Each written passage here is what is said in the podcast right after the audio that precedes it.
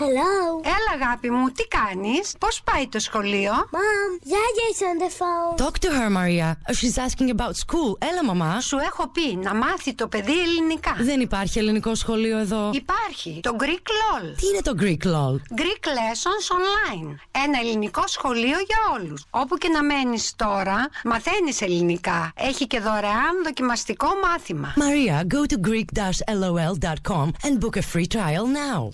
Greek Lessons Online is the biggest Greek online school and the first Greek school coming right to your door. All lessons are delivered by highly qualified native Greek teachers. Open the virtual door of the most popular and innovative online Greek school and book your free trial lesson today at greek-lol.com.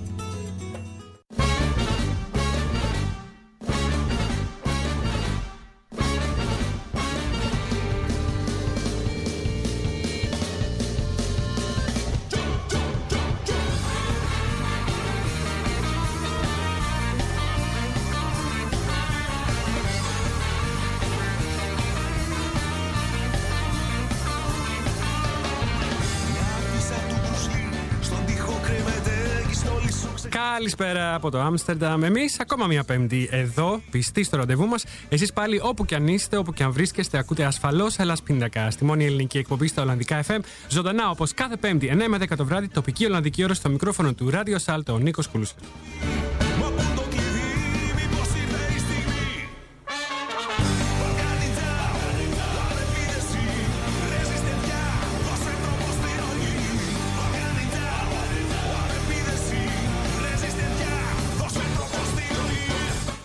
Εκπέμπουμε ζωντανά από το δημοτικό σταθμό του Άμστερνταμ. Υπάρχουν αρκετοί τρόποι για να μας ακούσετε live. Αν αγαπάτε το συμβατικό ραδιόφωνο αυτό με την κεραία και βρίσκεστε στο Άμστερνταμ, συντονιστείτε στο ράδιο Σάλτο 106,8 των FM. Καλωδιακά μας ακούτε από το κανάλι 103,3 πάλι και μόνο στην περιοχή του Άμστερνταμ. Ενώ διαδικτυακά μας ακούτε παντού στον κόσμο από το ελλάσπιντακά.com, το site μας, με ένα κλικ στο κουμπί Listen Now, το μεγάλο κίτρινο κουμπί αυτό με την κεραία πάνω δεξιά στη σελίδα.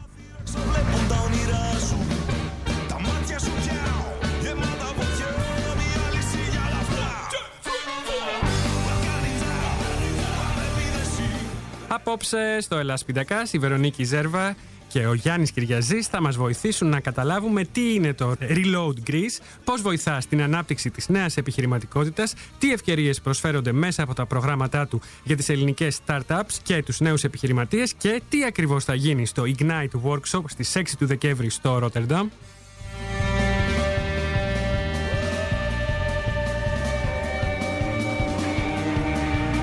Μείνετε συντονισμένοι στο Ελλάς Πιντακάς. Μας ακούτε κάθε πέμπτη στις 9 το βράδυ από το ράδιο Σάλτο. Θα μας βρείτε και στο site μας elaspindakas.com αλλά και στα κοινωνικά δίκτυα στη σελίδα μας σε Facebook, Twitter και Instagram. Ενώ για να επικοινωνήσετε μαζί μας ζωντανά μπείτε τώρα στη σελίδα μας στο Facebook και ποστάρετε το σχόλιο σας ή τις ερωτήσεις σας σαν νέο post στη μέση της σελίδας ή γράψτε μας μέσω Twitter χρησιμοποιώντας το hashtag elaspindakas και hashtag φυσικά Reload Greece.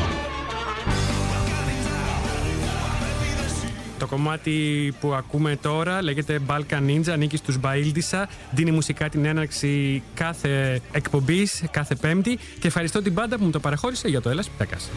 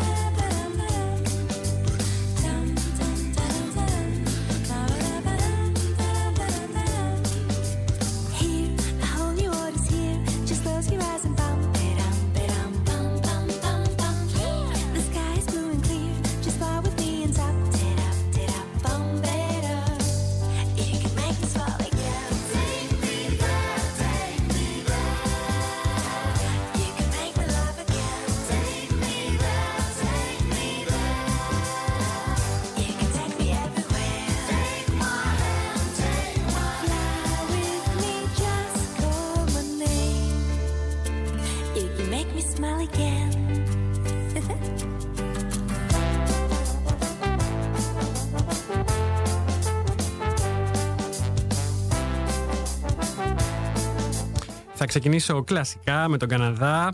Hi from Amsterdam to all our friends over at agapigreekradio.com and hi to all our Facebook friends too from all over the world. Hi to Alba and Lumir. Χαιρετίσματα και στη Γιώτα Μπαρόν, στη Μαριάννα Φωτιάδου, στο Στέφανο Πολίζο, στη Λεοντίν Κλάιμπρινγκ.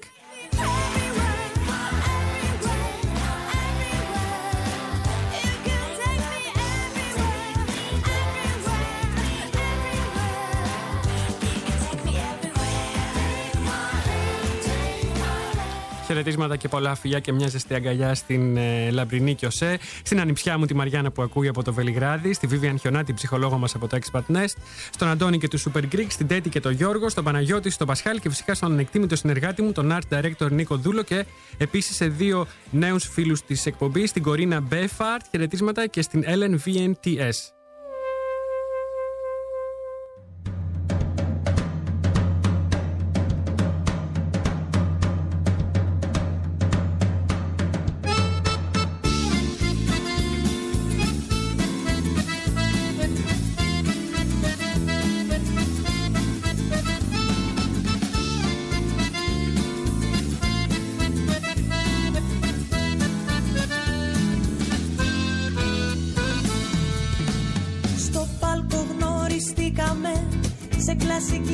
Ορχήστρα Βρεθήκαμε σε θέατρο Βρεθήκαμε σε πίστα Κιθάρα έπαιζε κι εγώ. Ακορντεόν και πιάνο Αυτός λιγάκι έντεχνος Κι εγώ μία σοπράνο. Αυτό δεν ήταν δεσμός Αυτό δεν ήταν σχέση Στην άρση έμπαινα εγώ. Κι αυτός να μπαίνει θέση Σε όλα διαφέραμε Κυρίως στην κουλτούρα. Ήταν ένας πόλεμος Πάνω σε παρτιτούρα. Εγώ να λέω μιλαρέ Κι αυτός να λέει μιρέλα Τάγκο του χόρευα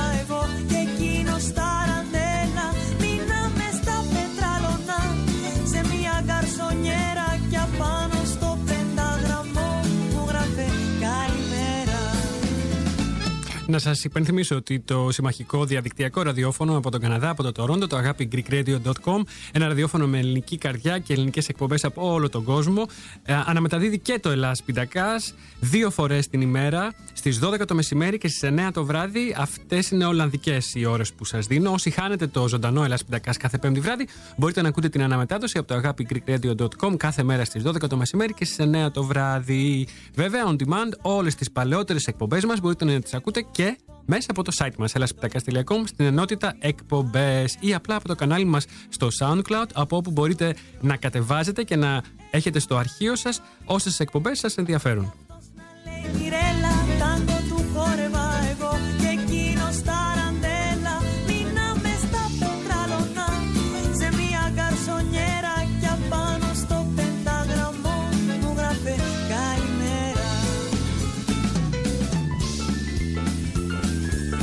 Και μια μικρή ειδισούλα, μικρή αλλά σημαντική, αύριο 16 Νοέμβρη στις 9.30 το βράδυ Ensemble Rebetik live στο Zoo στο Delft.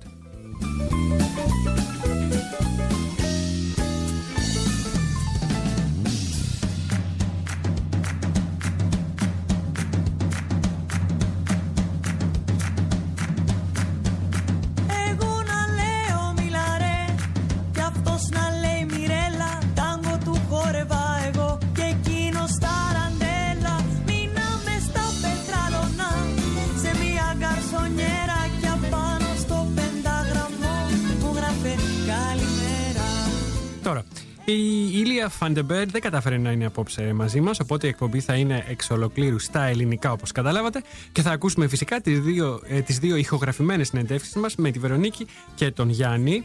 Ακούστε και μια σημαντική είδηση που δένει ε, με όσα θα ακούσετε στη συνέχεια. Ευρωπαϊκή Πρωτεύουσα Καινοτομίας 2018 ανακηρύχθηκε πριν λίγο καιρό στη Λισαβόνα η Αθήνα.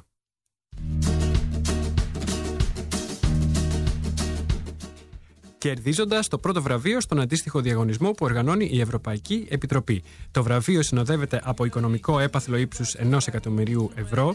Η ανακοίνωση πραγματοποιήθηκε παρουσία του Δημάρχου Αθηναίων, κ. Γιώργου Καμίνη, ο οποίος παρέλαβε το βραβείο. Το βραβείο Ευρωπαϊκή Πρωτεύουσα Καινοτομία 2018 διεκδικούσαν μαζί με την Αθήνα η Τουλούζη, το Αμβούργο, η πόλη Λούβεν στο Βέλγιο, το Ούμεο της Σουηδίας και το Aarhus της Δανίας. Ενώ στον πρώτο γύρο είχαν αποκλειστεί πόλεις όπως η Μαδρίτη και η Λισαβόνα. Το, βαβρί- το βραβείο καινοτομίας αφορά στις πρακτικές και τις μεθόδους που ανέπτυξε ο Δήμος Αθηναίων όσον αφορά στην ανάπτυξη κοινωνικών δομών προκειμένου να στηρίξει τους πολίτες κατά τη διάρκεια της οικονομικής κρίσης.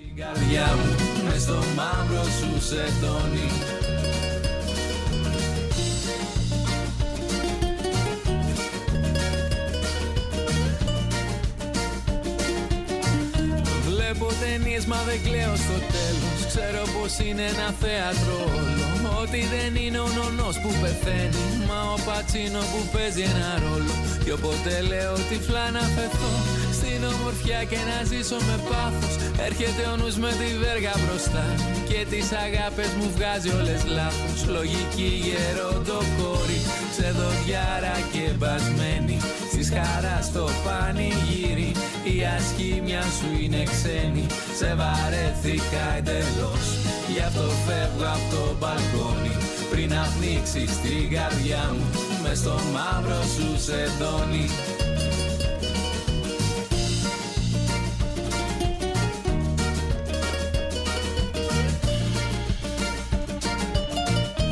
Τη δυστυχία όταν σωπαίνει η καρδιά Μπρος του μυαλού τη φασαρία Κι η ευτυχία δίνει λογαριασμό Στου ρεαλισμού τη δικτατορία Θα θέλα να μου κι εγώ σαν εσένα Να ζω στο σύννεφο της αταξίας Είσαι μια αρτίστα, ένα ηφαίστειο σωστό Κι εγώ ένας μικρός μετρημένος λοχίας Νάτικα η Στέλλα, η Στέλλα Πακιαρίδη. Γεια σου, Στέλλα, να είσαι καλά πάντα. Στη χαρά στο πανηγύρι Η ασχήμια σου είναι ξένη Σε βαρέθηκα εντελώς. Γι' αυτό φεύγω από το μπαλκόνι Πριν να πνίξεις την καρδιά μου. Μες στο μαύρο σου σεντόνι Λογική γερόντο κόρη Σε δοκιάρα και μπασμένη. Στη χαράς στο πανηγύρι Η ασχήμια σου είναι ξένη Σε βαρέθηκα εντελώς Γι' αυτό φεύγω από το μπαλκόνι Πριν να πνίξεις την καρδιά μου Μες στο μαύρο σου σεντόνι Να στείλω επίσης χαιρετίσματα στο Μανώλη Αναστασίου και στο Γιώργο Μπούκλα και στον Χρήστο Πλούσιο από τη Θεσσαλονίκη και στον Λευτέρη Καραδήμο και να σας πω ότι ήρθε η ώρα να πάμε σιγά σιγά να ακούσουμε την πρώτη μας ε, συνέντευξη. ε, που είναι με τη Βερονίκη Ζέρβα. Η Βερονίκη ανήκει στην οργανωτική ομάδα του Reload Greece και βρίσκεται στο Λονδίνο ε, από όπου και ηχογραφήσαμε την συνέντευξη. Τηλεφωνικά έγινε φυσικά η συνέντευξη. Ε, η ίδια, η Βερονίκη, θα βρίσκεται στο workshop στο Rotterdam στις 6 του Δεκέμβρη. Πάμε να ακούσουμε τη Βερονίκη και επανερχόμαστε. Έχουμε στο τηλέφωνο την Βερονίκη Ζέρφα από το Λονδίνο, αν καταλαβαίνω καλά. Γεια σου, Βερονίκη. Γεια σου Νίκο. Ε, θα πούμε κατευθείαν ε, στο ψητό.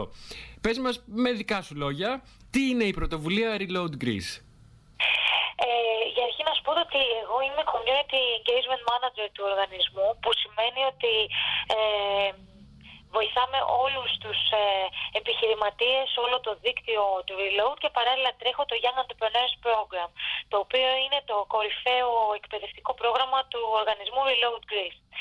Ε, νομίζω ότι ίσως έχει νόημα λίγο για την αρχή να πούμε το τι είναι το Reload Greece. Το Reload Greece είναι ένα, ε, ένας ε, εκπαιδευτικός οργανισμός με έδρα την Αγγλία, UK Registered Charity συγκεκριμένα, ε, που υπάρχει από το 2012. Φυσικά όταν ξεκίνησε δεν ήταν ε, εγγεγραμμένο charity οργανισμός, ήταν ε, μια ομάδα, από- ε, μια πρωτοβουλία από κάποιους Έλληνες ε, που σπουδάζανε στην Αγγλία τότε και θέλανε να αντιστρέψουν την εικόνα που ε, είχαν ε, οι ξένοι στο εξωτερικό για την Ελλάδα. Έτσι λοιπόν ξεκίνησε κάπως το Reload Greece και για να μην σας τα πολυλογώ, ε, πλέον είμαστε ένας οργανισμός ο οποίος έχει μεγαλώσει αρκετά, έχει ε, πέντε full-time employees, οι οποίοι, ανάμεσα στους οποίους είμαι και εγώ, οι οποίοι νιώθουν περήφανοι για την ε, δουλειά που κάνουν. Αυτό που, που κάνουμε το βασικό μας έργο είναι να δίνουμε την δυνατότητα σε Έλληνες ε, του εξωτερικού, της διασποράς, να δημιουργήσουν επιχειρήσεις με θετικό αντίκτυπο στην Ελλάδα. Και τι εννοούμε με θετικό αντίκτυπο; Εννοούμε να, είτε να έχεις τη μονάδα παραγωγής σου στην Ελλάδα, είτε να κάνεις κάποιο πρωτότυπο στην Ελλάδα, είτε να συνδεθείς ε, στο κομμάτι της παραγωγής, ε, της, ε, του development ή αντίστοιχα και του προγραμματισμού ε, χωρίς απαραίτητα αν, αν θες να μην γυρίσεις στην Ελλάδα να μην γυρίσεις ε, αλλά παράς να βοηθάς την χώρα σου ε, Να ρωτήσω κάτι, μιας και το ανέφερες. Ποια ήταν τα φωτεινά μυαλά που το ξεκίνησαν οι Έλληνες ε, ε, στο Λονδίνο; Να τους αναφέρουμε. Φυ- Φυσικά να τους αναφέρουμε. Είναι η Εφη και η Τάτα, η οποία είναι CEO του οργανισμού και μαζί με την Εφη τρέχουμε όλες αυτές τις πρωτοβουλίες και την επέκταση στο εξωτερικό για την οποία θα σας μιλήσω και, και περισσότερο σε λίγο. Ήταν ε, ο Μάρκος ο Κιωσέογλου, ο οποίος πλέον έχει επιστρέψει στην Ελλάδα αλλά παραμένει στο board του Reload και δύο ε, δύο άλλες νέες κοπέλες οι οποίες τρέχουν πλέον τις δικές τους ε, επιχειρήσεις και η μία εκ των δύο παραμένει στο board. Το Reload Greece σαν οργανισμός πέραν της ε, ομάδας, της core ομάδας αν θες, που, που εργάζεται γι' αυτό σε καθημερινή βάση και τους εθελοντές οι οποίοι είναι πάρα πολλοί πλέον ε, έχει και ένα board of directors είναι μια ομάδα εξή ανθρώπων εξειδικευμένων ο καθένας ε, είναι ειδικό στο δικό του τομέα και μας ε, βοηθούν σε- και συμβουλευτικά είναι ε, μέλη του Διοικητικού Συμβουλίου του οργανισμού. Ωραία. Τώρα, τι κάνει ένας μέντορας και τι ένας εθελοντής; Γιατί έχετε μέντορες και εθελοντές. Ακριβώς. Το Reload Greece είναι ένας οργανισμός που βασίζεται πάρα πολύ στους εθελοντές. Άρα αντίστοιχα και οι μέντορες θα είναι άνθρωποι οι οποίοι δουλεύουν σε μεγάλες συμβουλευτικές εταιρείες, είναι επιχειρηματίες ε, και δίνουν οι ακαδημαϊκοί και δίνουν τον χρόνο τους pro bono, δωρεάν σε εμάς. Ε, οπότε και εκείνοι με μία λέξη εθελοντές είναι. Αλλά αυτό που θα ήθελα να πω είναι το, το Reload έχει διάφορα προγράμματα. Ε, έχει το Young Entrepreneurs Program για το οποίο σήμερα μιλάμε και το οποίο είναι ένα ε, εκπαιδευτικό πρόγραμμα το, δια- το οποίο διαρκεί 6 εβδομάδες. Έχει το RG Challenge το οποίο είναι ένα πρόγραμμα 11 ημερών ταχύς, ταχύως επιτάχυνσης επιχειρηματικών ε, ιδεών λίγο πιο προχωρημένων αν θες ε, σε, από- σε στάδιο. Έχει, έχουμε το ε, TCO μας conference το οποίο έγινε φέτος στο RG Connect ε, στις ε, 6 του Οκτώβρη και μπορώ να σου πω ότι ήταν μια τρομερή διοργάνωση η οποία έφερε κοντά επενδυτές, ομιλητές όπως ε, ο James Robinson που έχει γράψει το περίφημο Why Nations Fail από, την, από το Πανεπιστήμιο του Σικάγο ε, καθώς επίσης ήταν και ο, και ο κύριος Χουλιαράκης, ο αναπληρωτής Υπουργός Οικονομικών ε, και όλοι αυτοί οι άνθρωποι μπέ- μπήκανε κάτω από μία στέγη και συζήτησαν θέματα τα οποία θα μπορούσαν να βοηθήσουν ε, την Ελλάδα και βασικά και πώς θα μπορούσε η διασπορά να παίξει ένα ρόλο σε αυτό. Ε, και πέραν αυτών των, ε, των δραστηριοτήτων ε, συζη- συζητάμε και, και άλλα πράγματα τα οποία μπορούμε να κάνουμε στο μέλλον. Ε, ένας μέντορας ο- που μπορεί να συμμετέχει σε κάποιο από τα προγράμματα του Reload ε, θα έχει την ευκαιρία να αναλάβει ε, για όσο διαρκεί το πρόγραμμα μία ομάδα ε, την οποία θα συμβουλέψει ε, σύμφωνα με τις γνώσεις του αλλά και με βάση ε, τα mentoring guide, guidelines του Reload Greece. Ε, είμαστε, είμαστε τυχεροί γιατί έχουμε στην ομάδα μας ε, την Χριστίνα Γαρίδη η οποία είναι professional coach, business coach ε, και παράλληλα ε, είναι στο Reload Greece Head of Mentor Engagement. Οπότε η Χριστίνα είναι το άτομο με το οποίο συνδέονται οι μέντορες, τους εκπαιδεύει και ανάλογα το βαθμό στον οποίο ε, βοηθούν τον οργανισμό υπογράφουν και ένα mentor agreement κτλ.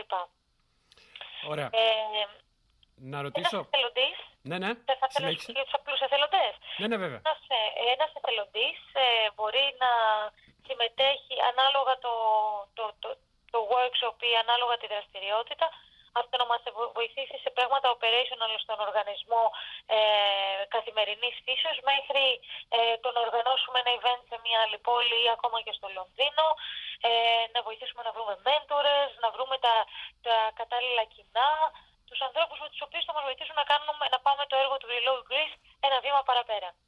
Ωραία.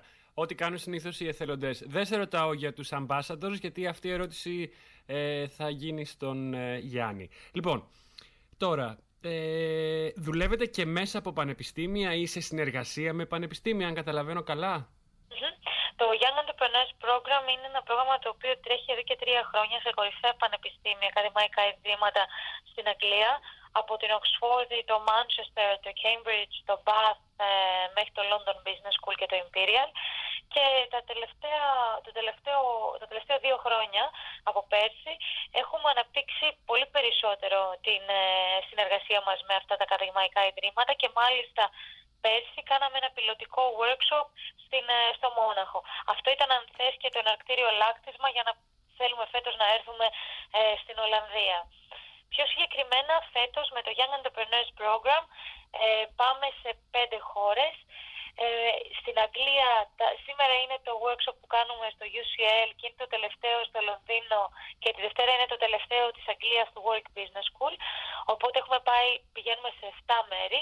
Μετά στις 27 του μήνα θα βρεθούμε στο Βερολίνο και στις 29 στο Μόναχο. 6 ε, Δεκεμβρίου θα είμαστε στο Ρότερνταμ. Αλλά το γεγονός ότι θα είμαστε στο Ρότερνταμ ε, μας δίνει τη δυνατότητα, επειδή είναι και πιο εύκολες οι μετακινήσεις, άνθρωποι οι οποίοι μπορεί να σπουδάζουν ε, στην Ουτρέχτη ή να μένουν στην Ουτρέχτη και να είναι ε, νέοι επαγγελματίες ε, ή αντίστοιχα να είναι στο Άμστερνταμ ή στο Delft ή στο Λάιντ να έρθουν σε αυτό το workshop. Μετά θα πάμε στο Ηράκλειο το Δεκ- 11 Δεκεμβρίου, στην Ξάνθη στις 12, στις ε, 13 ε, θα είμαστε στα Ιωάννινα, 17 στην ε, Θεσσαλονίκη, 18 με συγχωρείς, και στη Νέα Υόρκη, είναι το φετινό μας πιλωτικό, θα είμαστε στις 24 του Γενάρη. Ακούγεται λίγο σαν rockstar tour.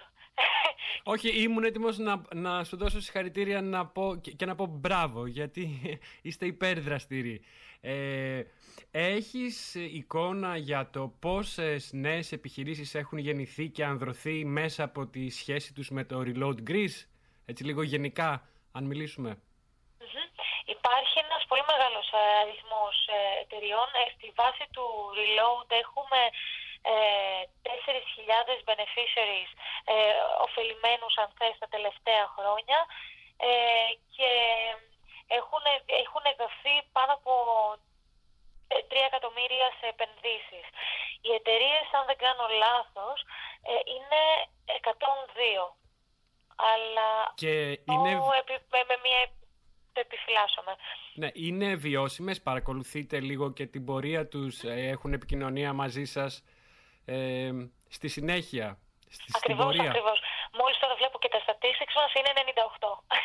είναι 98 και έχουν εταιρείες που έχουν δημιουργηθεί και συνεχίζουν να υπάρχουν και να προσλαμβάνουν και άλλο κόσμο και να μεγαλώνουν και έχουν δημιουργηθεί 130 θέσεις εργασίας.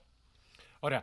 Τώρα, το Reload Greece γεννήθηκε ως απάντηση στην κρίση, θα έλεγες; Ε, το Reload Greece ε, γεννήθηκε ναι, ως απάντηση στην κρίση και η αλήθεια είναι όχι τόσο πολύ ως απάντηση στην κρίση την οικονομική αλλά στην κρίση που υπάρχει και μεταξύ των, ε, των ανθρώπων σε κοινωνικό επίπεδο και των στερεοτύπων που φτιάχνουμε ε, όταν ακούμε ότι κάποιος έρχεται από την Ελλάδα.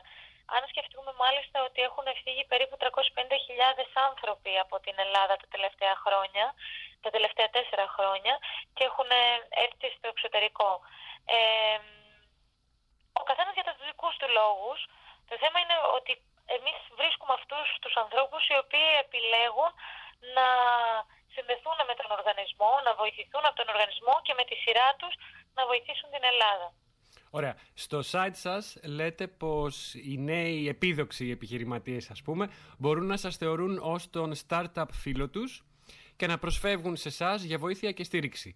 Θέλω να ρωτήσω με ποιους τρόπους μπορεί κάποιος που έχει μία ιδέα να σας προσεγγίσει και να σας την παρουσιάσει και αυτό που στην ουσία ρωτάω είναι ε, μόνο μέσα από τα event σας γίνεται η επικοινωνία ή πως υπάρχει και κάποιος πιο άμεσος τρόπος να απευθυνθεί σε έναν μέντορα directly ας πούμε ή σε έναν ε, ambassador, σε έναν εθελοντή; Μμμ, μμμ. Που είναι πολύ ωραία αυτή η ερώτηση, γιατί ε, πριν αναφέραμε τα προγράμματά μας, το Young Entrepreneurs Program με το οποίο ερχόμαστε στην Ολλανδία και το RG Challenge. Η αλήθεια είναι ότι για να ωφεληθεί κάποιος από τον οργανισμό και από όλα αυτά τα, τα, τα ωφέλη που προσφέρει και τη δικτύωση, ε, είναι μέσω της συμμετοχής σε κάποια από αυτά τα προγράμματα.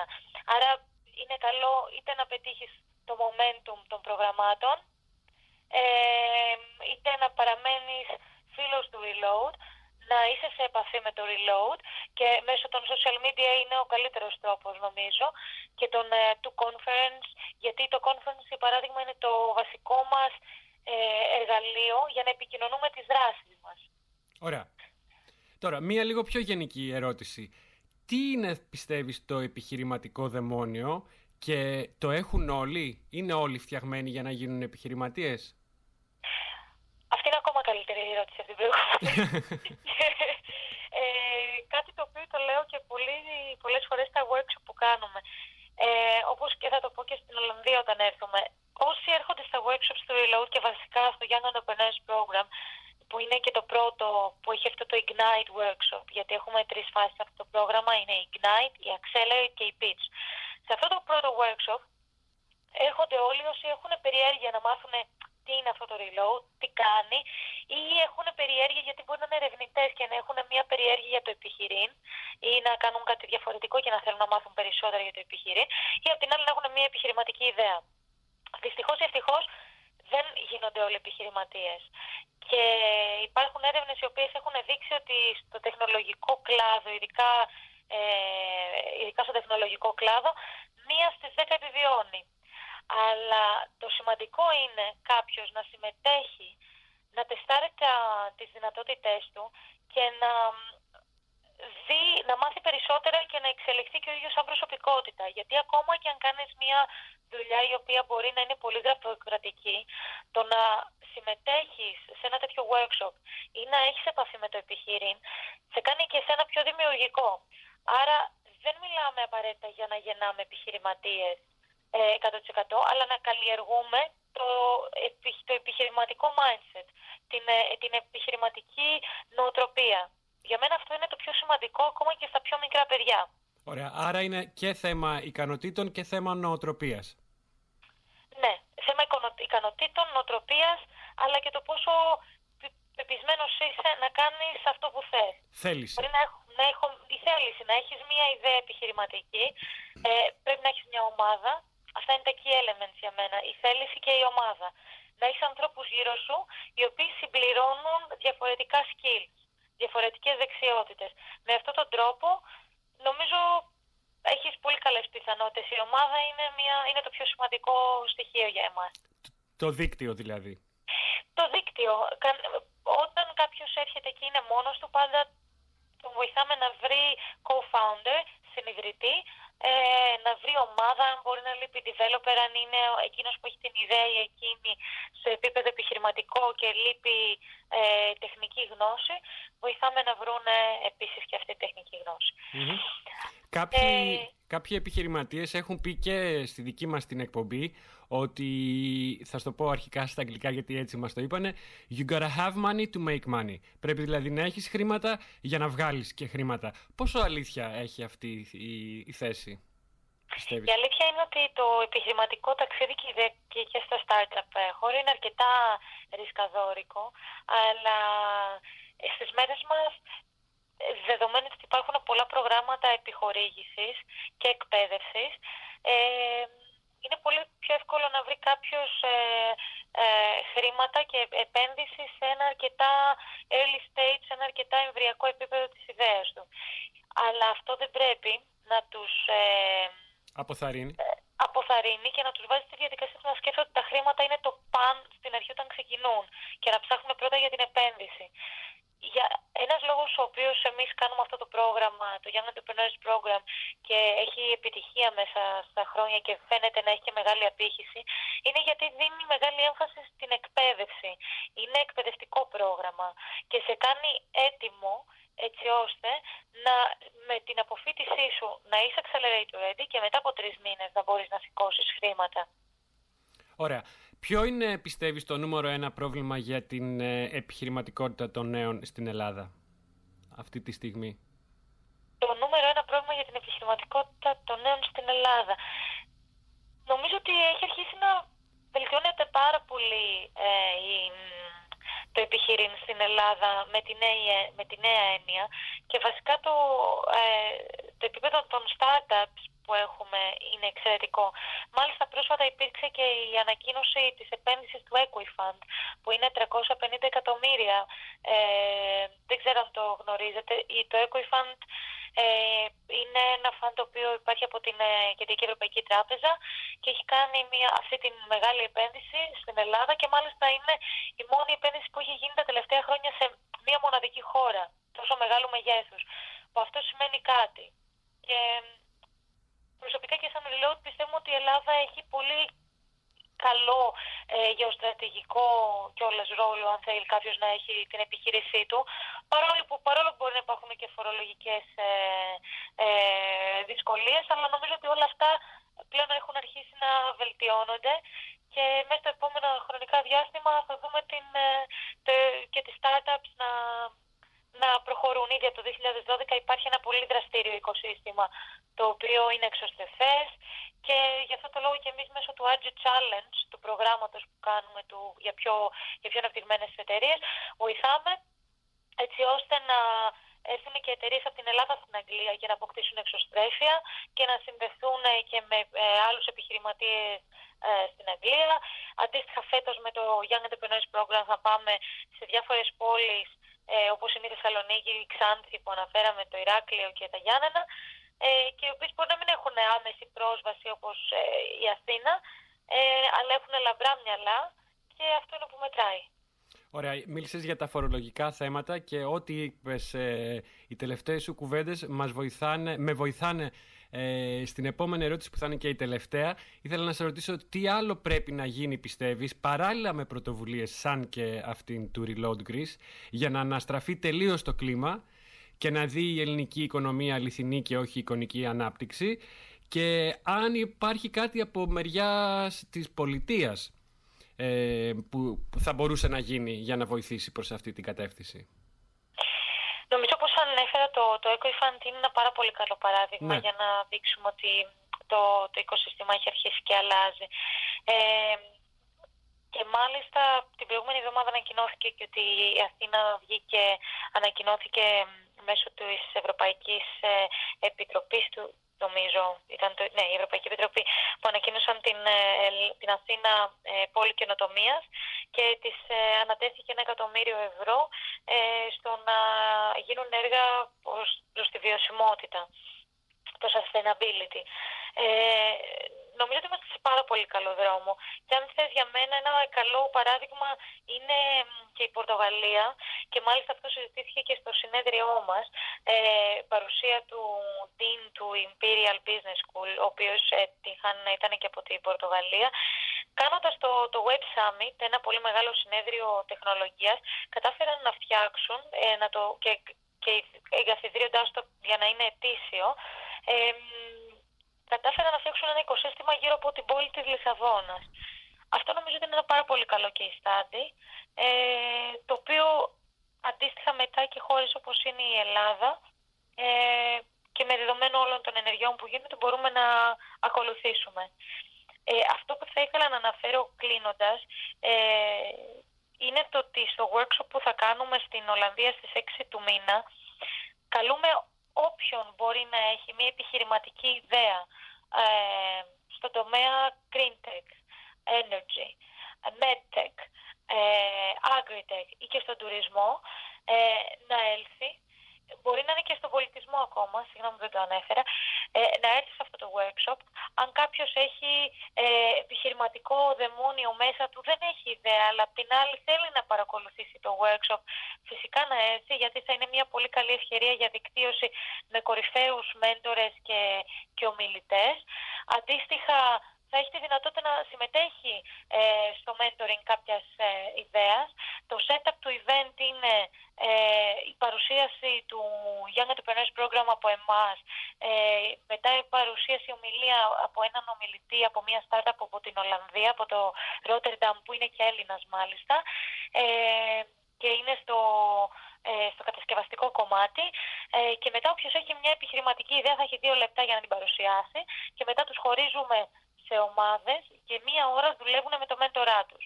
Ο μέντορας θα συμπληρώσει μία scorecard ε, στο τέλος του workshop την οποία θα μας δώσει και ανάλογα με αυτό το scorecard εμείς θα κρίνουμε αν περνούν στην επόμενη φάση.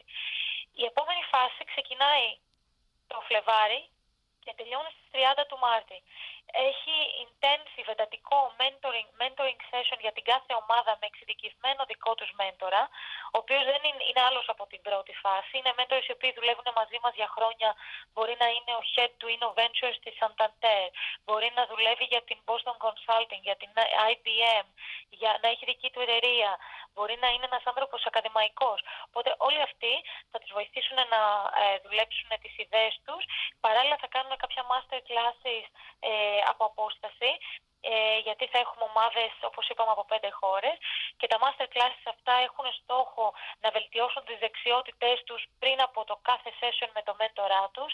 Θα είναι σε prototyping, patenting, ma- growth hacking, αυτή τη νέα έννοια ε, στο marketing, pitching και, και πέρσι μάλιστα μπο- είχαμε κάνει ένα με την Google, ένα άλλο με την Deloitte Ventures, ε, οπότε networking wise και αυτά είναι πολύ ωραία. Και μετά είναι στις 30 του Μαρτίου το Final Pitch Event στο Λονδίνο, όπου όλοι καλούνται να παρουσιάσουν τις ιδέες τους μπρο- μπροστά σε κοινό και κριτές. Θα ήθελες να σου αναφέρω κάποια ονόματα από τους μέντορες που θα έχουμε στην Ολλανδία στις 6 του Δεκεμβρή. Ε, ναι, θα ήθελα να μου πεις καταρχήν ε, αν υπάρχει κάποιο κόστος για τη συμμετοχή, αν είναι δωρεάν και μετά να μου πεις και αυτό που ε, σκόπευες να μου πεις. Το κόστος ε, του event είναι μηδαμινό. είναι μηδαμινό γιατί θέλουμε όλοι όσοι έχουν μια επιχειρηματική ιδέα ή και θέλουν να, δι- να, να σχετιστούν και να δικτυωθούν με τον οργανισμό του Reload να συμμετέχουν σε αυτό το πρόγραμμα δωρεάν. Το οποίο είναι πολύ μεγάλης αξίας σε εκπαιδευτικό επίπεδο και, και νομίζουμε ότι αυτό είναι πολύ πιο σημαντικό για εμάς. Φυσικά. Πες μας και για τους ε, μέντορες στο Μέντορες. Rotterdam. Θα, είναι- θα είναι ο Αντώνης Αργυρός, ο οποίος είναι Vice President Product and Marketing ε, at Safe Size ε, και είναι και Chief Executive ε, Officer ε, στην ε, Liater. Ο Νίκος Νάκος που είναι Co-Founder του, My- του IM Expat. Ε, ο καθηγητής Δημήτριος Τσεκούρας που είναι Senior Lecturer in, in Business Information Management at το RSM Erasmus University του Rotterdam. Η Ήλα Vandenberg, Founder του Mind the People ε, με την οποία ε, θα έχετε νομίζω και την ευκαιρία να μιλήσετε αργότερα. Βεβαίως. Ε, και ο Αλέξανδρος Ματίασεν, manager στην EY και co-founder του EY Finance Navigator. Ε, αυτό που θα ήθελα να αναφέρω πριν κλείσουμε, και γιατί νομίζω ότι έχω μιλήσει πάρα πολύ και ζητώ συγγνώμη γι' αυτό, ε, είναι ότι θα έχουμε ε, community partner στο Venture Cafe, όπου θα γίνει και το workshop στις 6 του μήνα και μ, στο Rotterdam και το ελληνικό σπίτι στο Rotterdam. Ωραία, Βερονίκη, σε ευχαριστούμε πάρα πολύ. Καλή δύναμη, καλή συνέχεια σε ό,τι κάνεις. Είναι σημαντικό το έργο σας και καλή επιτυχία στο workshop του Rotterdam στις 6 του Δεκέμβρη. Ευχαριστούμε πολύ και Γεια θα χαρά. τα πω κοντά ελπίζω. Βεβαίως, για χαρά. Γεια, γεια.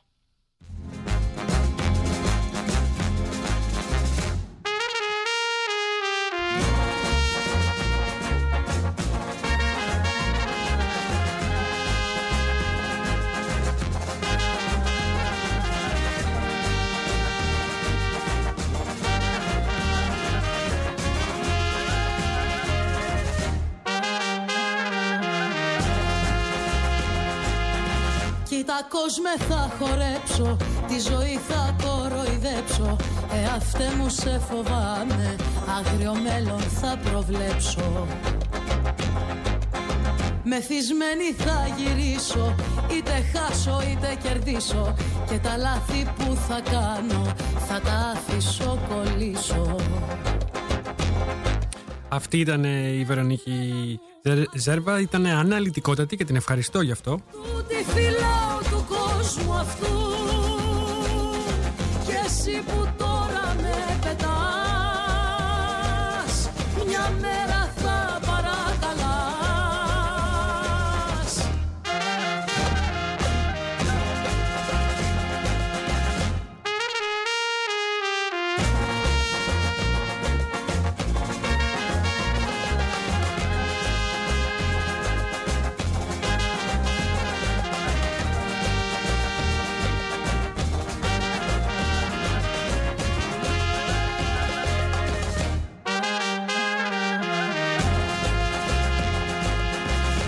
Απ' το τέλος θα μετρήσω και ποτέ δεν θα εξηγήσω. Τα χαμένα λογικά μου πρέπει να εξασφαλίσω. Δίχως όρια θα ζήσω, θα γελάσω, θα μαρτήσω. Η ζωή είναι ρουλέτα και από τύχη θα επιζήσω. Είναι η τρέλα μου ατού Του τη φυλάω εσύ που τώρα με πετάς Μια μέρα θα παρακαλάς.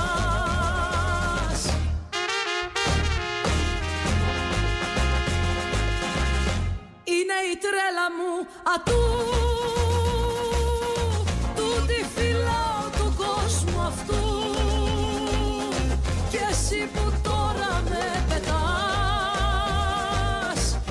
Πάμε τώρα σιγά σιγά να ακούσουμε και τον Γιάννη Κυριαζή, ο οποίος είναι ambassador, πρεσβευτής του Reload Greece.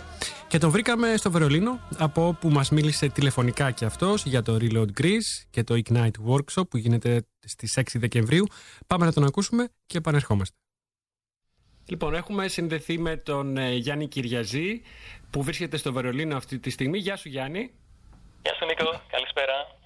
Καλησπέρα. Να ξεκινήσουμε κατευθείαν ε, από το zoom της υπόθεσης. Τι είναι η πρωτοβουλία Reload Greece; Το Reload Greece, ε, λοιπόν, ε, μιλάμε για ένα συγκεκριμένο πρόγραμμα στο Reload Greece που λέγεται Young Entrepreneur ε, Program, το οποίο είναι ε, ένα παιχνίδι. Εγώ είμαι ε, ένας ε, πρεσβευτής αυτής της ε, προσπάθειας και για την ιστορία να σου πω πως ε, έτυχε να γνωριστούμε με την ομάδα του Reload Greece πριν από λίγα χρόνια ε, και πάντα είχαν ε, βλέψεις για να διοργανώσουν κάτι εκτός Αγγλίας όμως σήμερα φαίνεται να υπάρχει και η θέληση αλλά και το σωστό timing και οι πόροι για να στηριχθεί κάτι τέτοιο.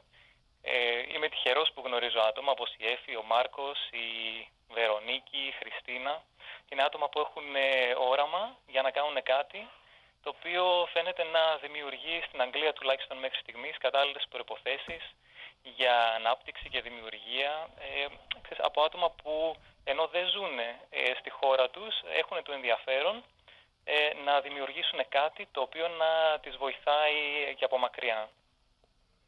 Ωραία. Τι κάνει ακριβώς ένας ambassador, ένας πρεσβευτής; Είμαστε μια ομάδα από ambassadors, πρεσβευτές ε, και μαζί με τους μέντορες ε, και με την οργανωτική επιτροπή, επιτροπή, την οργανωτική ομάδα που διευθύνει η Βερονίκη ε, κάνουμε την πρόθεση. Δηλαδή ε, στην αρχή θα χρειαστεί να ε, μιλήσουμε σε ανθρώπους ε, από την κοινωνία ε, όπως εσύ ε, με την επικοινωνία ούτως ώστε να δημιουργήσουμε ένα κλίμα ούτως ώστε να ενδιαφερθεί όσο και περισσότερος ε, κόσμος να έρθει σε αυτή την εκδήλωση και να, και, και να παρευρηθεί και να, και να παίξει μαζί μας.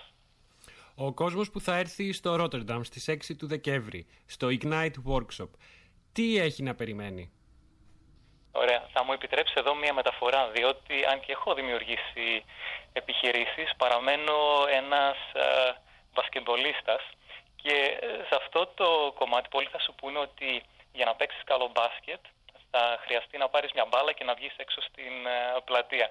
Και αυτό είναι αλήθεια. Δηλαδή εκεί θα κερδίσεις και εκεί θα χάσεις ε, και στην πλατεία επίσης θα μάθεις τα σκληρά φάουλ και θα μάθεις αυτούς που παίζουν ε, με ή χωρίς κανόνες. Όμως υπάρχουν και τα βασικά. Δηλαδή και στην επιχειρηματικότητα ή και στο μπάσκετ. Ε, αυτά που ο Μάικλ Τζόρνταν τα ονόμαζε the fundamentals. Δηλαδή μπορεί να είσαι στην πλατεία και να καρφώνεις, αλλά άμα δεν μπορείς να καρφώσεις, πρέπει να ξέρεις πού θα σταθείς, πρέπει να ξέρεις πώς θα πασάρεις, πρέπει να ξέρεις πώς θα τρέξεις. Και γι' αυτό μου αρέσει το Reload Greece. Γιατί είναι ένα παιχνίδι, ε, εκεί θα βοηθηθεί κάποιος ούτως ώστε να βελτιώσει το πώς βλέπει μια ιδέα που έχει επιχειρηματική, θα τον συμβουλέψουν ε, μέντορες και η οργάνωση ε, πάνω στον τρόπο να τις παρουσιάσει και θα είναι μια ευκαιρία να γνωριστεί με συμπαίκτες, ε, προπονητές και αντιπάλους ε, πριν ξεκινήσει το, τον αγώνα, δηλαδή το, το ταξίδι της επιχειρηματικότητας. Ωραία η μεταφορά, πετυχημένη, οφείλω να πω. Ε, μία πιο γενική ερώτηση που μ, έθεσα και στην Βερονίκη Τι είναι για σένα το επιχειρηματικό δαιμόνιο και πιστεύεις ότι το έχουν όλοι, είναι όλοι φτιαγμένοι για να γίνουν επιχειρηματίες; Όχι, δεν το έχουν όλοι. Σίγουρα δεν το έχουν όλοι. Ε, καλό όμως θα ήταν και αυτοί που νομίζουν πως δεν το έχουν να το δοκιμάσουν. Γιατί μπορεί κάπου μέσα τους να το έχουν. Το επιχειρηματικό δαιμόνιο για μένα είναι το να προσπαθήσεις να δημιουργήσεις κάτι μόνος σου, ε, να βγεις έξω, να παλέψεις και ε, να υποφεληθεί και η, και η κοινωνία και οι άνθρωποι δίπλα σου και όλη η οικονομία από αυτό. Μμμ.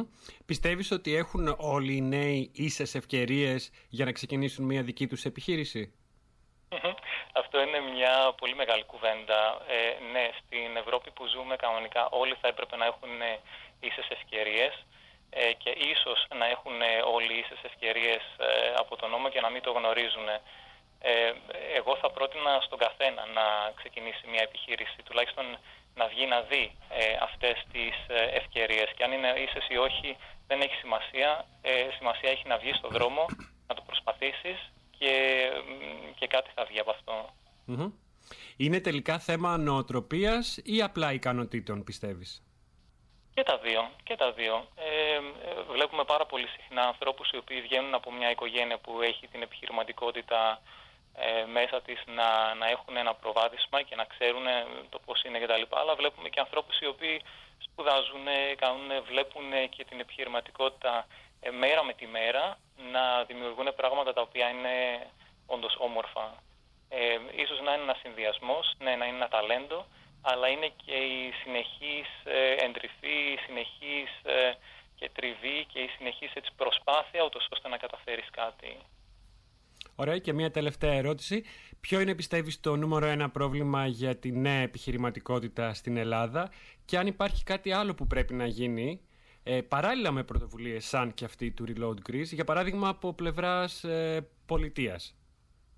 Από πλευράς πολιτείας, ε, ε, ναι, υπάρχουν κάποιες προσπάθειες. Είδαμε και τις γέφυρες ε, γνώση και συνεργασίες που ήταν και στο Άμστερνταμ πριν από μερικούς μήνες.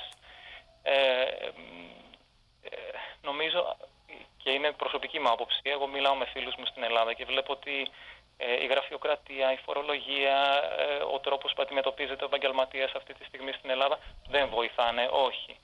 Ε, αλλά επειδή ζούμε σε μια κοινωνία, σε μια Ευρώπη και γενικά που βλέπουμε αυτό το διεθνές πάρα πολύ να παίζει, ότι οι άνθρωποι από διαφορετικές χώρες μπορεί να κάνουν μια δουλειά σε μια άλλη χώρα, βλέπουμε ότι μπορούμε να βοηθήσουμε ε, έμεσα την οικονομία της Ελλάδος και από μακριά.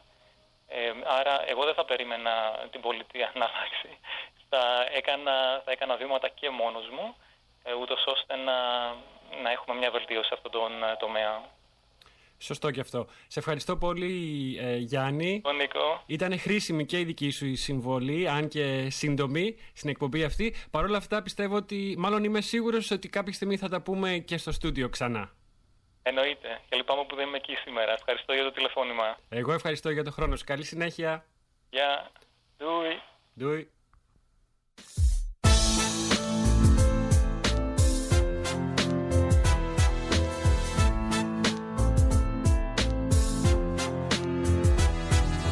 Νόμιζα πως είχα βρει τη ευτυχία στη συνταγή και ήμουνα το μόλογο περήφανη πολύ. Είχα βρει σπίτι, σύζυγο, δουλειά στρωμένη και ένα τζιπ στα πεζοδρόμια να ανεβαίνει. Είχα κάνει τη δεξίωση του γάμου σε ένα κτήμα, μα δεν το είχα καταλάβει ότι ήμουνα το θύμα. Αυτός ήταν και ο Γιάννης ο Κυριαζής, ο καλός φίλος της εκπομπής και ambassador του Reload Greece.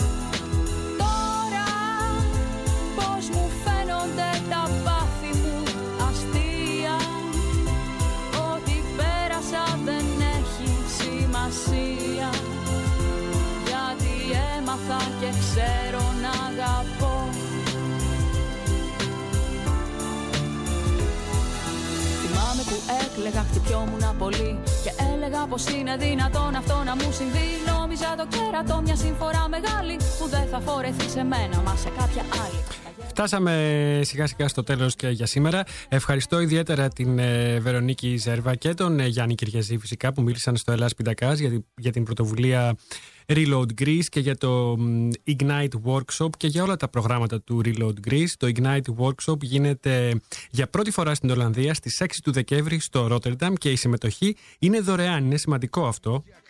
Όλο το πιάνει ρίγη, σ' αποζητάει, την πόρτα όλο κοιτάει Και όταν το ρωτάω τι έχει δεν μου απαντάει Όλο πεσμένο, σκεπτικό νταουνιασμένο Στο σπίτι του το ίδιο τώρα νιώθει να είναι ξένο Και με κοιτά, μα πορεία με κοιτά Κουρνιασμένο στην γωνιά με τα δυο του τα φτερά. Δεν τραγουδά όπως το κάνε παλιά. Έλα πίσω για να φέρεις το σπουργίτι τη λαγιά Λύπη, κι είναι βαθιά η λύπη. Όταν γυρνώ στο σπίτι και δεν είσαι κι εσύ. Έχει μια θλίψη, γύρνα, όχι σου λέω για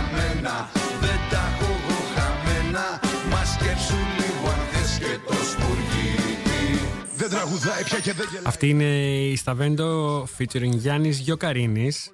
Και το ριναρικολόγοι Μας όρισες φωνητικής και κέλα ειδολόγοι Μα αυτό εκεί πεισμός σαν σκυλί Πώς το κάνε του το φω αυτό είναι πουλί. Γέρνει το απόβραδο και δεν ξυπνάει πρωί. Τις ώρες δηλαδή που γελάει θα και πολύ Είναι το πρώτο τελευταίο κομμάτι που θα ακούσουμε για απόψε.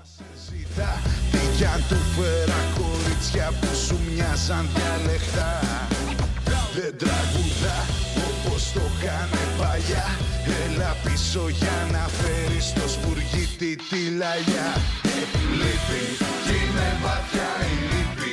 Όταν γυρνώ στο σπίτι και δεν είσαι κι εσύ Έχει μια θλίψη γύρνα Όχι σου λέω για μένα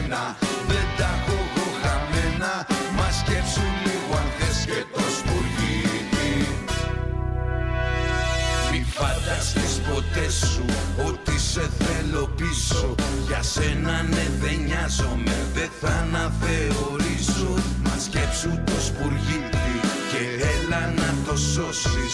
Αφού σε και φιλόζωη ζωής για να του δώσεις Λύπη. Κι είναι βαθιά η λύπη Όταν γυρνώ στο σπίτι και δεν είσαι κι εσύ. Έχει μια θλίψη γύρνα Όχι σου λέω για μένα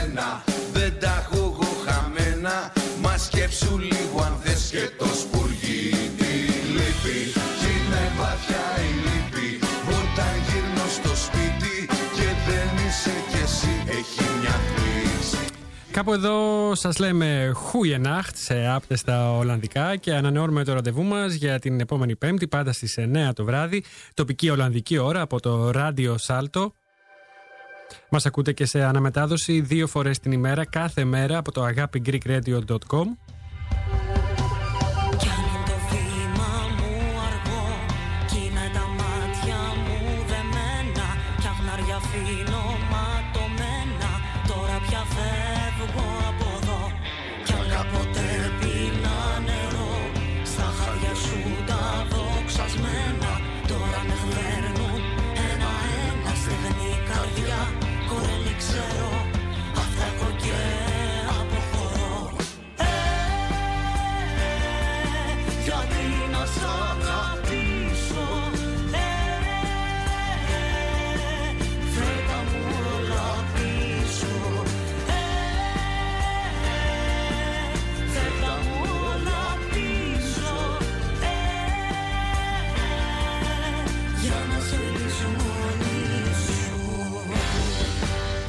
Κλείνουμε με Παυλίνα Βουλγαράκη, φέρτα μου όλα πίσω, featuring Ψάρα Αντώνης. Μέχρι την επόμενη Πέμπτη, μπείτε να διαβάσετε hellaspintakas.com, το site μας. Καλό Παρασκευό Σαββατοκύριακο σε όλους, το Follow and Care, ντουντουι.